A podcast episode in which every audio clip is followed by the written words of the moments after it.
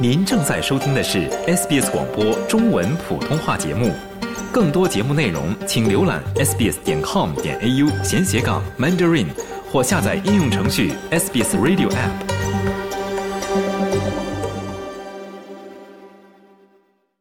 从法律角度看待社会现象，以专家意见指点生活迷津。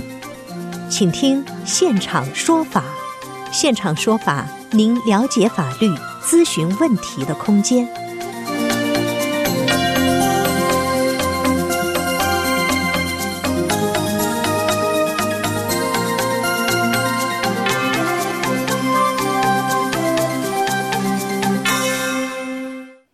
听众朋友您好，欢迎您继续收听 SBS 广播中文普通话节目为您带来的现场说法听众热线节目。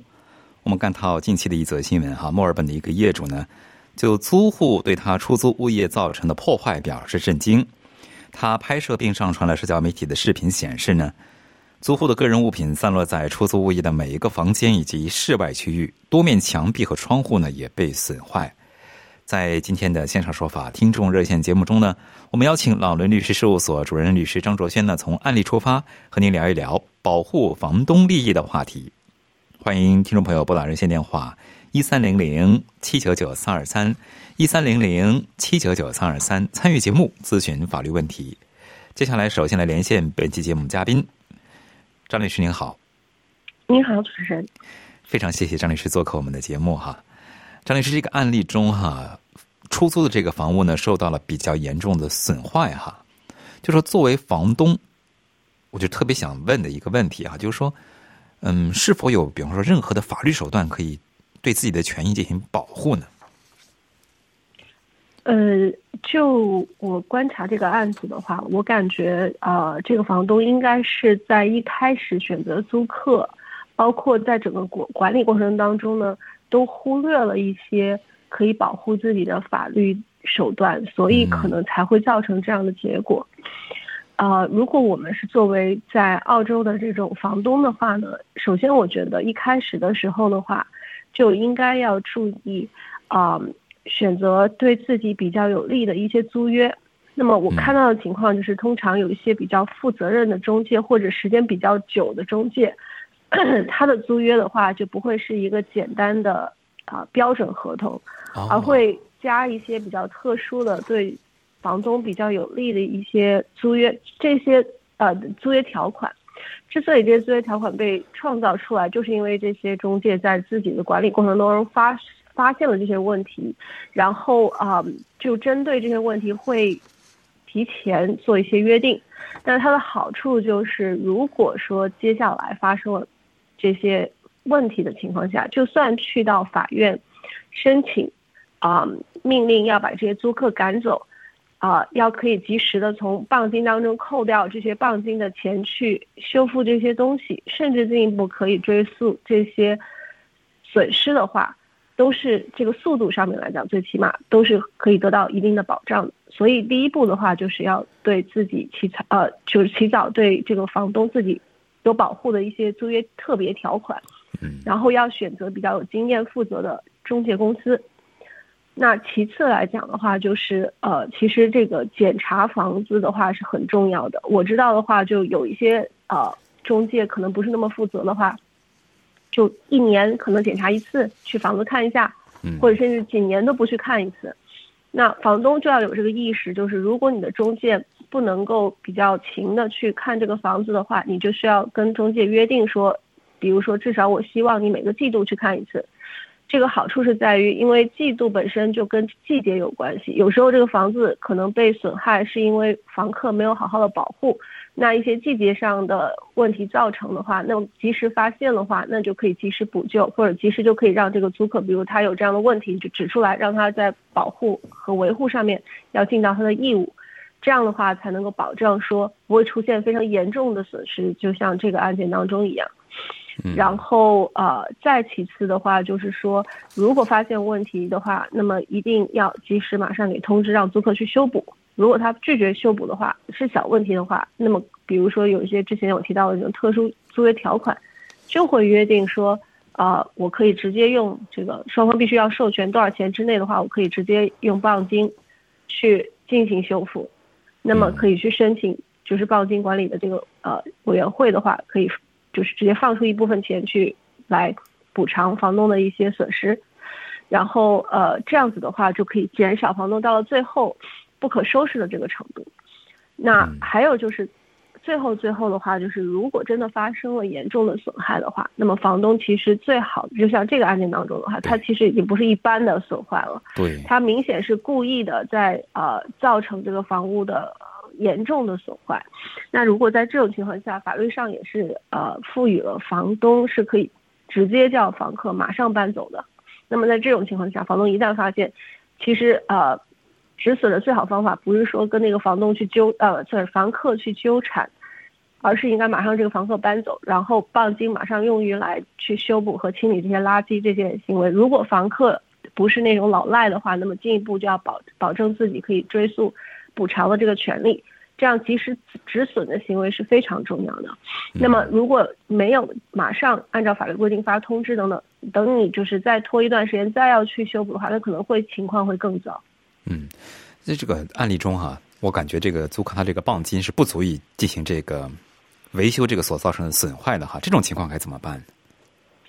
呃，其实绝大多数的情况，如果是造成这种损失的房房客的话，我认为这个房东都是比较难追追讨，就是超过磅金更高的这个补偿的。嗯，原因是因为这种房客通常呃本身是有问题的。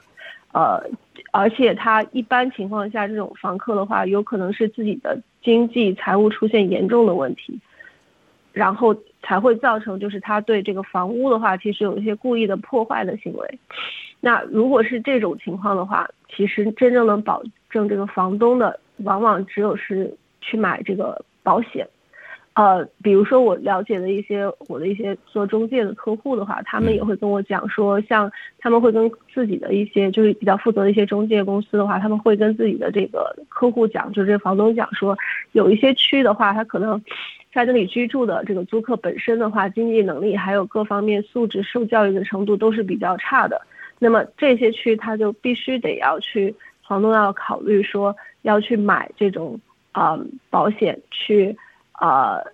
比如说，如果真的出现欠租的话，那么这保险就能够给你减少损失，补偿你一些损失。如果真正出现像现在这个案件出现的情况的话，那么保险可以在房东没有办法收回的一些损失当中的话，再补偿一些钱。这些的话都是一种社会的一种这种帮助的平衡的一种制度。那房东可能要考虑做这个。当然，如果你有很良好的租客，那那。这个租客如果一时犯了这样的错误或者呢，那你当然是可以就继续把它作为一个普通的民事案件，去追究这个房客的这个赔偿的责任。嗯，这选房客其实 选租客吧，其实跟选中跟选中介都差不多，我觉得特挺难的哈。嗯，怎么样在选择中介跟租客的方面，嗯，可以更怎么说呢？更好一些的对房东的这个权益保障。那我们分两步讲吧。首先讲到中介的话，呃，我认为就像刚刚我提提醒这个房东、广大房东的，就是如果你选中介的时候，你可能，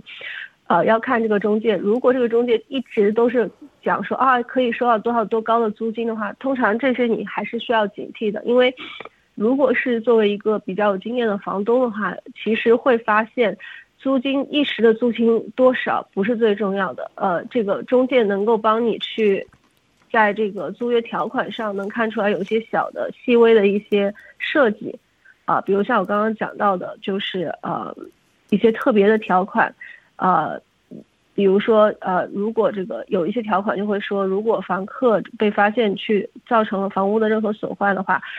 呃不不一定说造成，就是发现有任何损坏，可能。仅仅是不是房客造成，其他的原因造成的话，得必须马上通知房东。像这些比较特别小的条款，通常是些负责的中介加上去的。为什么呢？看上去不不起眼，但是他们的经验其实告诉他们说，如果有损坏的话，等到拖了一段时间之后，你往往是没有办法再去甄别这个损坏究竟是谁造成的。但关键是这个签这个抱抱歉哈，签这个合同的时候是中介跟租客签的，房东也无权过问这个条款，对不对？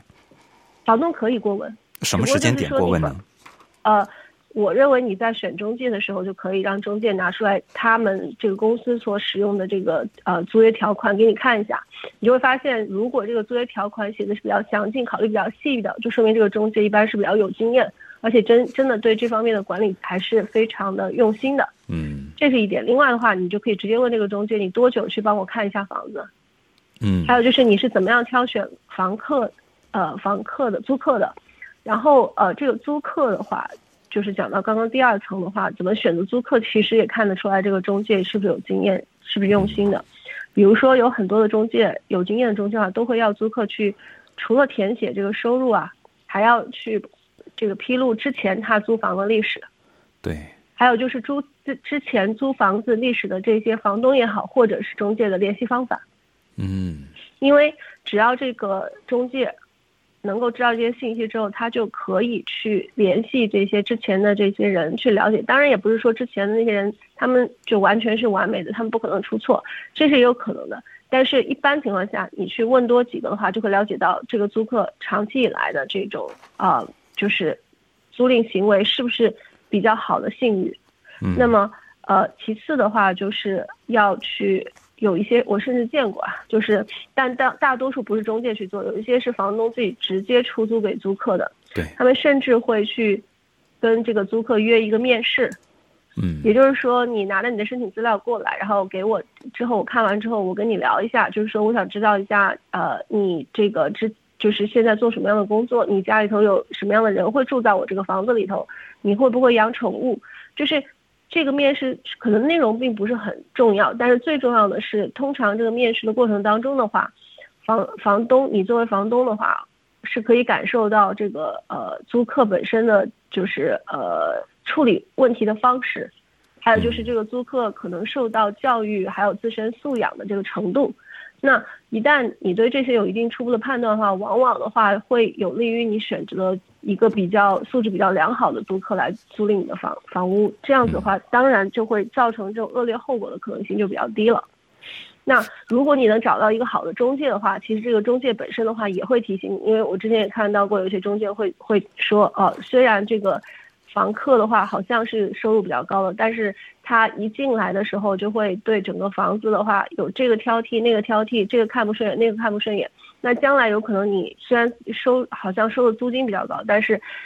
之后你可能这个房客会一直跟你的房东有任何的矛盾，这些的可能性也比较高。那你的房东是否要考虑到这个？中介都会提醒这些，包括我都遇到过一些很负责的中介会说，他他们不会接受一些出价特别高的房客，因为一听就不是太正常的。对比如说一个正常的五百块钱一周的，他出一千多的那种，很有可能就是有可能要在你的房子里种大麻的。就是有些、哦有些都会知道，有可能会发生这种事情，所以说这就是为什么呃一个没有经验的房东找到一个好的中介公司，而且自己知道一些这些信息的重要性，然后设定一些比较小的但是比较有效的这种法律的点去保护自己，非常的重要。非常感谢张九轩律师给我们的分享。接下来我们接听听众电话，这位是刘先生，刘先生您好，呃，你好，您好，您请讲。呃，律师好，也主持人好。嗯、我最近收到一张罚单，是停车的罚单。我觉得这张罚单是不合理的。那个地方是一个空旷的地方，没有住房，没有住屋，那有有铁栏是锁住。那么通常一般人都会在那里停车，然后他就给我寄了一张罚单。我觉得有没有投诉的权利？呃，对，刘先生，您这个罚单是这个当地的这个 council 发给你的是吗？就是市政发给你的。应该是的，因为他没有放在那个，当时没有马上放在玻璃那里，没有放在车那里，他是过了一个月后了再寄过来。OK，行，呃，首先的话，因为我不太了解，就是您当地的这个有没有可能调到视频录像？比如他如果像有一些罚单的话，他会直接写明你是在多久之内的话，你是可以向他申请去把当时他认为照下来的照片也好，或者视频也好调出来看的。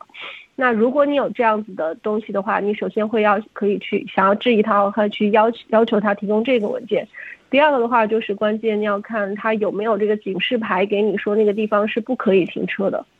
如果说他的警示牌是写的非常的明显或者是非常清晰的话，那么您可能这个去跟他 argue 的成功性就比较低。但如果他的警示牌并不是非常清晰和明显，而且他也提供不了证据证明，就是你的确是在比如他警示牌不允许的时间段等等在那里停车的话，那么我觉得您是可以根据您刚刚说那些点去跟他去进行争辩的。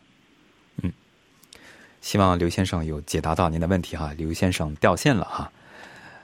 听众朋友，欢迎您继续拨打热线电话一三零零七九九三二三来参与节目咨询法律问题。接下来我们接听下面一位听众的电话，这位是。高先生，高先生您好。啊，你好，主持人。哎，您好，您请讲。啊，我我这案呃 case 是这样的哈，在我后院啊，靠着 fence 一米左右啊，我有一个大树，然后这个大树的一个树干能有二十毫米呃二百毫米左右直径的那么个大的树干，二百毫米呃直径差不多十米高的一个大树干掉下来，那么掉下来以后呢，它就站在站在我。后边这个邻居的院子里边，靠在 fence 上，一头靠在 fence 上，另外一头的还靠在树上。然后呢，我就他就很危险，在那可能会砸到 fence，我就找那个后面的邻居，后面邻居呢是个租客，他也不太管，他说你可以找中介。等我找中介呢，中介说我不是他的客户，他也不管。那么现在我就不知道怎么处理好，我想把这树干慢慢一点点嘎掉，但是我害怕。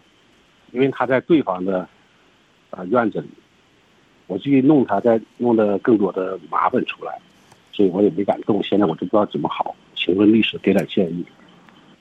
呃，首先刘先呃高先生，您要明白，就是就算您这个无论是谁，就算您自己院子里面这个树的话，其实它并不属于您。很多情况下，它是还是受 council 管理的。所以说，如果你要对这个树进行任何的处理的话，首先你还是要跟 council 确认一下。那 council 如果就是当地市政，如果 council 没有问题，像你说有可能这个它会影响到你隔壁的一些情况的话，就像您说的，您呃积极联系到这个租客也好，还有中介也好，你最好留个记录。打个比方，你就给这个中介拿到他的电子邮箱等等，就写信说这个，请你转交给房东。我要接下来做这些事情，那么我们比如说这个是属于 fence 两边共同的利益，那么我认为他应该出一半的钱呢，你都可以写上去。关键就是你要做什么，要求他配合你做什么，还有他要承担什么样的费用，你要写清楚。发通知给对方，就要求比如说在二十八天、十四天之内要回复给我。如果不是的话，那么我会我已经跟 council 讲好，council 已经同意我可以这么做了，那我就会这样做。然后呃。还有就是去做这个事情的时候的那一天的前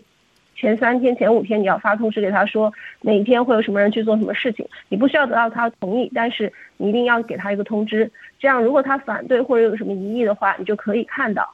然后你再做下一步。所以基本上就是您要先跟康所去沟通，其次就是要跟你的这个邻居要通知到，就这样子。您做到了之后的话，那您完成这些是没有问题的。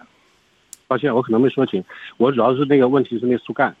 不是树。我不管不嘎的树，我想把这个树干。树干是一样的，树干是一样的。刚刚跟你讲的流程，无论是树还是树干，树干也是树的一部分。所以你要对这棵树做任何的行为的话，你第一要跟康所打招呼，第二要跟你的邻居打招呼。康所那边的话，你还是要得到康所的许可的，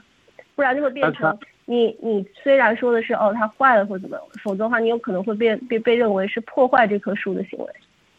但这树干已经掉在地下了，它是在对方的院子里。从责任角度讲，是他应该负责还是我应该负责？呃，我我不知道你掉，因为你刚刚说你还是要去割它，所以其实这个不存在掉的谁谁的不不范围里。他是已经，sorry，他是已经掉下来了，掉到对方的院子里，但是站在靠着范是站在那地方。如果封管，但是您您自己自己也说了，其实还是连接在那棵树上的，这是为什么你想要去处理它嘛？我刚跟你讲就是这样。不，它没没连着，它只是一头掉哎呃站在地上，另一头靠在树上，它已经不连着了，已经断掉了。嗯。然后掉在对方的院子里，这样的话靠着您的 fence 对吧？靠近您的 fence，靠着正好靠在 fence 上，是我们俩共同的 fence。嗯。呃，那我认为说你还是应该像我刚刚建议你那样子去处理，是最安全的一个方式。对。另外一个，如果如果不管它，它倒下来砸坏了饭是是不是我的 insurance 管会会 cover 这个东西呢？什么？您您什么？insurance 保险？我哦，保保险啊。呃，啊这个你要问保险公司，这个您问我，我们帮不了你，你要问保险公司。对，供您参考，高先生，祝您顺利。听众朋友，热线电话依然是一三零零七九九三二三，非常欢迎您拨打来咨询法律问题。接下来我们继续接听听众电话，这位是齐先生，您好，哎，你好，您好，您请讲。啊，主持人好，律师好，我想请教一个问题，就是我有个朋友，他那个您可以把电话放到您的的耳朵边吗？听得不是很清楚。啊，好的，好嘞，谢谢。那个，啊 我有一个朋友，他那个正在办离婚，他那个现在其他没有什么问题，财产分割什么没问题，现在就唯一有个问题就是说他们那个房子是联名的，那他们也不想就是现在就处理掉，因为可能会留给孩子。那现在如果离婚的话，那个房子联名有没有问题？呃，这个绝对是有问题的，因为我们通常来讲是不会建议离婚的夫妻还会有任何的共同财产的，因为如果你是联名的话，首先我不知道您了不了解法律，打比方一方死了的话，另一方是因为有一个叫做概念叫做呃这个自动获取的权利，那么意思就是说。不需要做任何的法律程序。那么两个人如果是联名的状态下 （joint tenants） 的话，那么另一一方死的话，另一方是可以得到这个房子所有的财产的，就是不需要去再经过其他的手段去，比如继承啊等等这些的。所以在这种情况下的话，其实如果你是分开了两个人的话，那么我们当然会建议你还是按照正常的婚姻程序和法律去把这些财产分割清楚，谁是谁的写清楚，去避免这种有可能发生的进一步的纠纷。嗯，这里。面可能涉及一个呃费用的问题，比如说分开的话，用不用再另外分开要交什么 stamp duty 之类的东西？呃，是这样子的，通常的话，每个州的法律都会规定，如果说比如这个房产分配了之后，会放到其中分开的一个妻子或者丈夫的名下的话，那么转让的这个程序的 stamp duty 是可以免的。这个你们你这个朋友自己去咨询他的这个办理这个离婚的律师的话，他应该会帮他做好这一些。嗯另外一个，如果是他们那个不分期的话，就是不分开那个不处理这个房屋财产的话，他就是做一个那个呃遗嘱或者什么，就是说到时候如果我刚刚跟跟您讲过，这个遗嘱是没有用的，因为你 joint tenants 本身的话，意思指的就是其中一个人死之后，另外一个人可以直接获得整个整个房屋，嗯，也就是说根本就不属于死者的财产。这个啊，那你的遗嘱你的遗嘱协议，你的遗嘱只能处处置你自己的财产，你没有办法处置那个人的财产，就是无论是你的妻子还是说分开的那个，你是没有办法处理别人的财产的。我的意思是说，如果在双方共同的协议，就是说把这个房子留给孩子或者怎么是，那有没有可能这样子，还是继续保留这个呃双方联名的共同财产？本身协议的效力的话，就在这种情况下就不会特别强，特别是你也不是通过法院的命令，也不是通过律师的合合合适的，就是像我们讲的叫 binding financial agreement 的约束。那么你们私下做的这种协议的话，通常都很有可能被另一方在将来指出来说，我当时根本就是被逼签署的，或者是我根本就不知道法律后果签的。那么这个协议其实没有什么太大的效力。嗯，供您参考，季先生祝您顺利。欢迎您继续收听现场说法听众热线节目，热线电话依然是一三零零七九九三二三，非常欢迎您拨打来向我们现场做客的嘉宾律师张卓勋律师咨询法律问题。接下来继续接听听众电话，这位是廖女士，廖女士您好，你好，哎，主持人好，呃，张律师好。你好，那么我我的问题呢，就是，呃，有两个，一个呢就是租房的问题，呃，我我有一个出租公寓嘛，那么分是我自己管理，没有通过中介分租给三个人，那其中一个人呢，他严重违约，而且呢，我也需要他这一间房子，那么我们事先有合约，就是说如果房客要离开，给房东两个星期通知。房东要要要要房客离开，给两个星期通知，但是呢，他就是不走，哎，那么我应该怎么办？嗯，首先廖女士，您给他的通知是已经呃写明了他的违约的原因，这些你都给他讲明白了是吧？哎，那对对对，而且而且呢，就是他没违约，我们在这个约定里头也写，如果我需要这一间房子，或者我需要这个房子，比如说我要去卖了，或者我要去租给我的亲戚了，或者是让我的亲戚来住了，那么我有权利就是说两个星期，给他两个星期通知让他搬走。呃，是这样子的，您这种私下约定，如果和法律规定不一样的话，像这种 residential 的就是居民的这种话，还你还是按照法律规定走。你具体可以上网查一下是什么规定呢？你具体可以上网去查一下，法律有有详细的规定，在什么情况下你最少要给多少天的 notice。啊，不能够私下说我给多少天 notice，不可以私下随便去改这个最低，因为 这个这呃就是这种。Residential 的这种法律的话，实际上是保护房客的，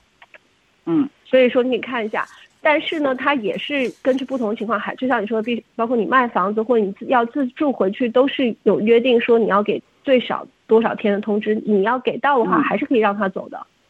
然后在这种情况下，如果他不走的话，第一，就像我们提醒您的，您这个 notice 上面就是给他的通知上面一定要写清楚，就是什么你要他搬走的这个地址，然后的话就是呃多少天要求他搬走。他为什么要求他搬走？就原因是什么？这些你都列明了之后，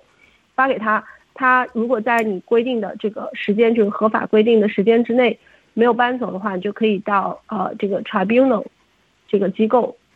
，New South Wales 有 New South Wales tribunal，Victoria Victoria 的 tribunal 去做一个申请。这个可以让他叫叫 possession order 的一个申请。然后你就可以要求拿到这个 order 之后，就可以要当地的警察去把这个租客赶走，是这样的一个流程。哦哦，OK，那这 tribunal 怎么去联系他们呢？你有他们的联系方式吗？您可以上网查一下，然后就到他们的这个呃地方，他们应该会有一些人可以协助你去填这些表格呀，进行这些程序。嗯，好的好的。那还第二个问题就就是遗产问题。那么刚才我也听了你的对对遗产的讲解，我们情况是这样的，我们年岁都很大了，那么，呃，我我们也没有孩子，那么我们呢就是约定，就是约定说，我死了以后，我的财产就都给我先生，我先生要是他先去世，他的财产就都给我，那么这个刚才听你说是在法律上自然决定的，不就写遗嘱不写遗嘱都没关系，是这样吗？啊，不是的，我刚刚讲的是像那个人讲的，呃，就是前一个咨询的人说的是联名房产 joint tenancy 的情况下，包括这个 joint tenancy，如果你想把它分开来，你也可以做一些程序。但他刚刚问的问题不是像您这个问的问题，他说的是他们离婚的情况下还要保证这个 joint tenancy 不变的情况下要达到这个效果，这个是不可能的。我跟他讲的是这个意思。如果你说你想说你们这个，我认为你们还是要做一个比较复杂的，叫做 mutual will，就是相互间的这种 will，就有点像一个 agreement。但是这个 will 的内容，就像你说，其实是可是相当于双方有一个契约，是说我给你，所以你一定要给我有这样子的。这个要生效的话，我的建议是你们必须要找一个律师去帮你们起草去做，因为它最大的问题是在于。这个其实是要双方都真实意思表示才可以的，并不是说我跟你就随便写一个协议就可能会被支持，呃，所以它有一些具体的规定，比如说你们呃另外一个人在律师面前，他都会要确认你们双方的确是叫做 independently，也就是没有受到另外一个人的胁迫或者影响，自愿去做这样的一个交换的，这个是属于一个比较啊，你要真的让这种。Mutual will 就是相互你们之间的 will，实际上是有一个协议，又有协议本身在内容在里边的这种遗遗嘱有效的话，还是要找一个律师帮你们把关。嗯嗯，所以呢，你的意思是说还是要写遗嘱？那么如果呢，我们两个都去世了，那么我们呢就是想，我我这个我们所有的财产 A A 啊，那我的一半呢就给我的亲戚，我想给的人。那他的一半就给他想给的人，那么但是我们俩都去世了，怎么能保证这个能够执行呢？这就是你的 will 啊，你要去找讲讲了很多遍了，就是您要去找一个律师帮你起草一个对呀，那符合您经验的。那那问题是我们去世了，律师怎么知道啊？他怎么能够来给我们执行这个事呢？就是您找律师起草好之后的话。您要呃，可能在所就是 over the years，就是通这么多年的过程当中，你要去更新什么都会跟他讲。其次的话，就是你在这个遗嘱当中，通常会要指定一个遗遗嘱的执行人，嗯，然后你的律师都会让你把你的遗嘱交给你这个遗遗嘱执行人。那么这个执行人按理讲就会非常了解你和你先生的情况。好嘞，非常感谢张律师的介绍。由于时间关系啊，供您廖女士供您参考哈。因个人情况因人而异，法律问题复杂，本节目仅供一般性参考，并无意提供任何个案法律建议。具体法律纠纷，请您咨询专业的律师。了解澳洲，融入澳洲，欢迎登录 sbs 点 com 点 au 前斜杠 language 前斜杠 mandarin，获取更多澳大利亚新闻和资讯。